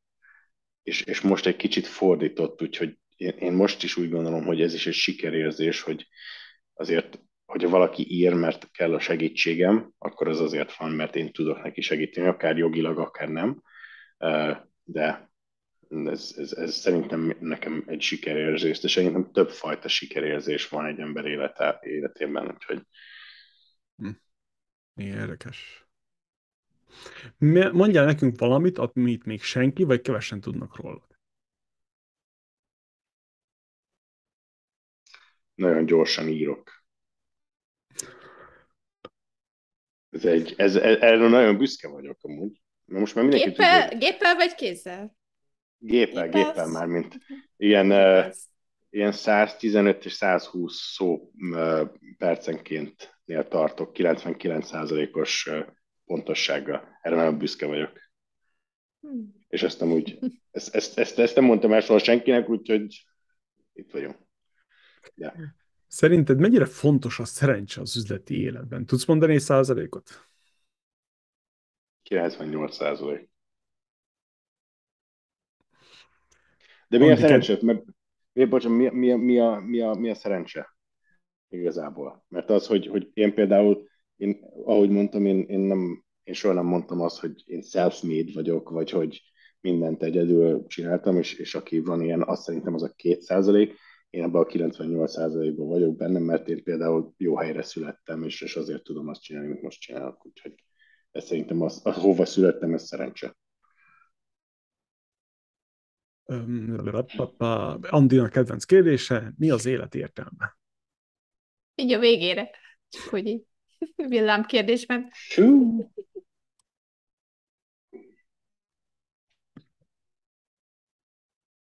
Kérdés pozicionálását is nagyon szeretem, mert a végére tetted a kérdés.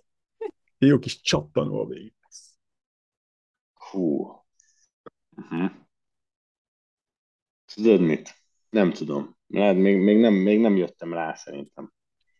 Úgyhogy ez szerintem egy olyan dolog, hogy erre az emberek rájönnek valamikor, hogy mi. Én szerintem én még nem tartok ott, hogy, hogy el tudom mondani, hogy, hogy mi.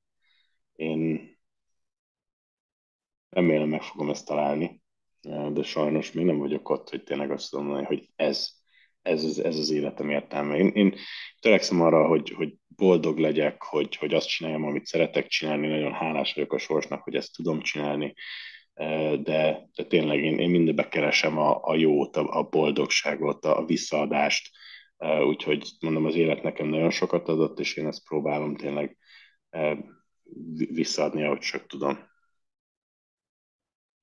Jogos. Hát ilyen szup- szuper zárszó után így néma csendben maradtunk, úgyhogy köszönjük szépen a hallgatóknak, hogy itt voltak, és köszönjük szépen a beszélgetést, Kapány Oliver, és nagyon-nagyon nagyon szerintem érdekes volt, mert egy más megvilágításban mutattad meg az ügyvédeket, ami szerintem egy nagyon jó dolog. Mert mindenki úgy gondolja, hogy úgy az ügyvéd az egy nagyon szigorú, nem sokat mondó, kicsit egy ilyen visszafogott ember, és aztán itt van egy kedves hmm. ember, aki a világbékét szeretni, szóval jó volt veled Én találkozni. Köszönöm szépen. És köszönjük szépen a hallgatóknak, hogy itt voltak velünk megint a Magyar Business Podcast. Nem sokára megint várt titeket egy újabb hallgató, vagy egy újabb vendéggel, és örülünk, hogy követtek minket, és hogyha szeretnétek, vagy van lenne kérdésetek, akkor csak küldjétek be nyugodtan, és szívesen válaszolunk rá. Ha Oliverhez van kérdésetek, akkor azt is tegyétek meg, mert átadjuk neki, és visszaírjuk a választ. Lehet zaklatni. Köszönjük szépen! Köszönjük, sziasztok! Köszönöm, köszönöm szépen! Sziasztok! Köszönjük, hogy velünk tartottál, és meghallgattad a mai epizódot. Csatlakozz a beszélgetéshez, és oszd meg gondolataidat, kérdéseidet a Magyar Business Podcast csoportban, a magyarbusiness.org honlapon, és ha már ott jársz, nézd meg a mai podcast résznek a videó változatát. Kövess minket a YouTube-on, ahol minden nap friss új klippekkel fogunk téged kényeztetni. Köszönet jár a vendégünknek és az egész csapatnak. Zsapka Andrea, Somogy Balázs, Szűz György, Nazsú Belejáné, Bajnocki Bálint. A magyarbusiness.org a hiteles magyar vállalkozók közössége, ahol a céged skálázása áll a középpontban. Iratkozz fel a havi hírlevelünkre a magyarbusiness.org hírlevél oldalon, nézd meg a podcast klippeket a YouTube csatornánkon, és ha tetszett az adásunk, írj egy csillagos ajánlást az Apple Podcastben, vagy ahol éppen hallgatsz minket. Köszönöm a figyelmedet, Foris Attila voltam. A következő alkalomig hatékony skálázást kívánunk!